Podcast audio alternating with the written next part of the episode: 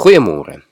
Ek wil graag hierdie week verder saam met jou nadink oor wat dit beteken om Jesus die hoofkarakter van ons lewensstorie te maak. Johannes die Doper het in Johannes 3 vers 30 gesê: Jesus moet meer word en ons minder. Dit is die hart van ons geloof dat wanneer ons tot bekering kom, ons nie meer vir onsself sal lewe nie, maar wel vir Jesus wat vir ons gesterf het en opgewek is. Romeine 12 vers 1 verwoord dit goed wanneer Paulus skryf: En nou doen ek 'n beroep op julle op grond van die groot ontferming van God. Gee julleself aan God as lewende en heilige offers wat vir hom aanneemlik is. Dit is die wesenlike van die godsdiens wat jy moet beoefen. Die essensie van ons godsdiens is dat ons onsself as lewende en heilige offers vir God moet gee. Ons moet dus ons lewe aan God wy. Ons lewe moet God dien en moet hom verheerlik. Hoe doen ons dit? Vers 2 van Romeine 12 sê: "Julle moet nie aan hierdie sondige wêreld gelyk word nie, maar laat God julle verander deur julle denke te vernuwe." Om ons lewe aan God te wy, beteken dus dat ons anders as die wêreld sal leef. Ons leef nie meer in sonde nie en ons word ook nie aan die sondige wêreld gelyk nie. Ons laat toe dat God deur sy gees ons denke vernuwe en ons in lyn met sy wil bring sodat ons hom met ons hele lewe kan dien. In Efesiërs 2 vers 10 lees ons God het ons gemaak wat ons nou is.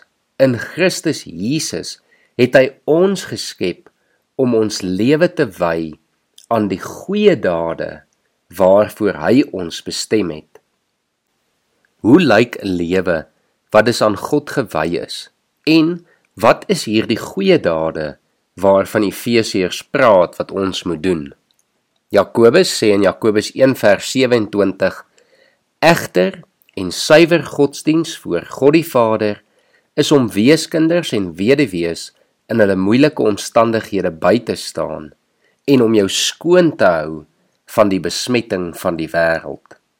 Jesus in Matteus 25 vers 35 tot 40 het weer gesê: "Vir sover julle aan een van die geringste van hierdie broers van my iets gegee het om te eet of te drink of huisvesting of klere of hulle verpleeg het of hulle selfs in die tronk besoek het, dan het julle dit aan my gedoen. Al hierdie tekste behoort eintlik nie vir ons 'n verrassing te wees nie. Ons weet mos dat Christendom se hoofgebod nog altyd liefde was. Liefde vir God en liefde vir ons naaste. En daarom, wanneer ons in liefde teenoor ander leef, is ons besig om ons lewe ook aan God te wy. Mag jy vandag 'n liefdesdaad teenoor iemand gaan doen en mag jy dan hierdie week opnuut weer jou lewe aan God wy. Mag jy hom bo alles eer en dien en mag jy jou hele lewe aan hom wy. Kom ons bid saam.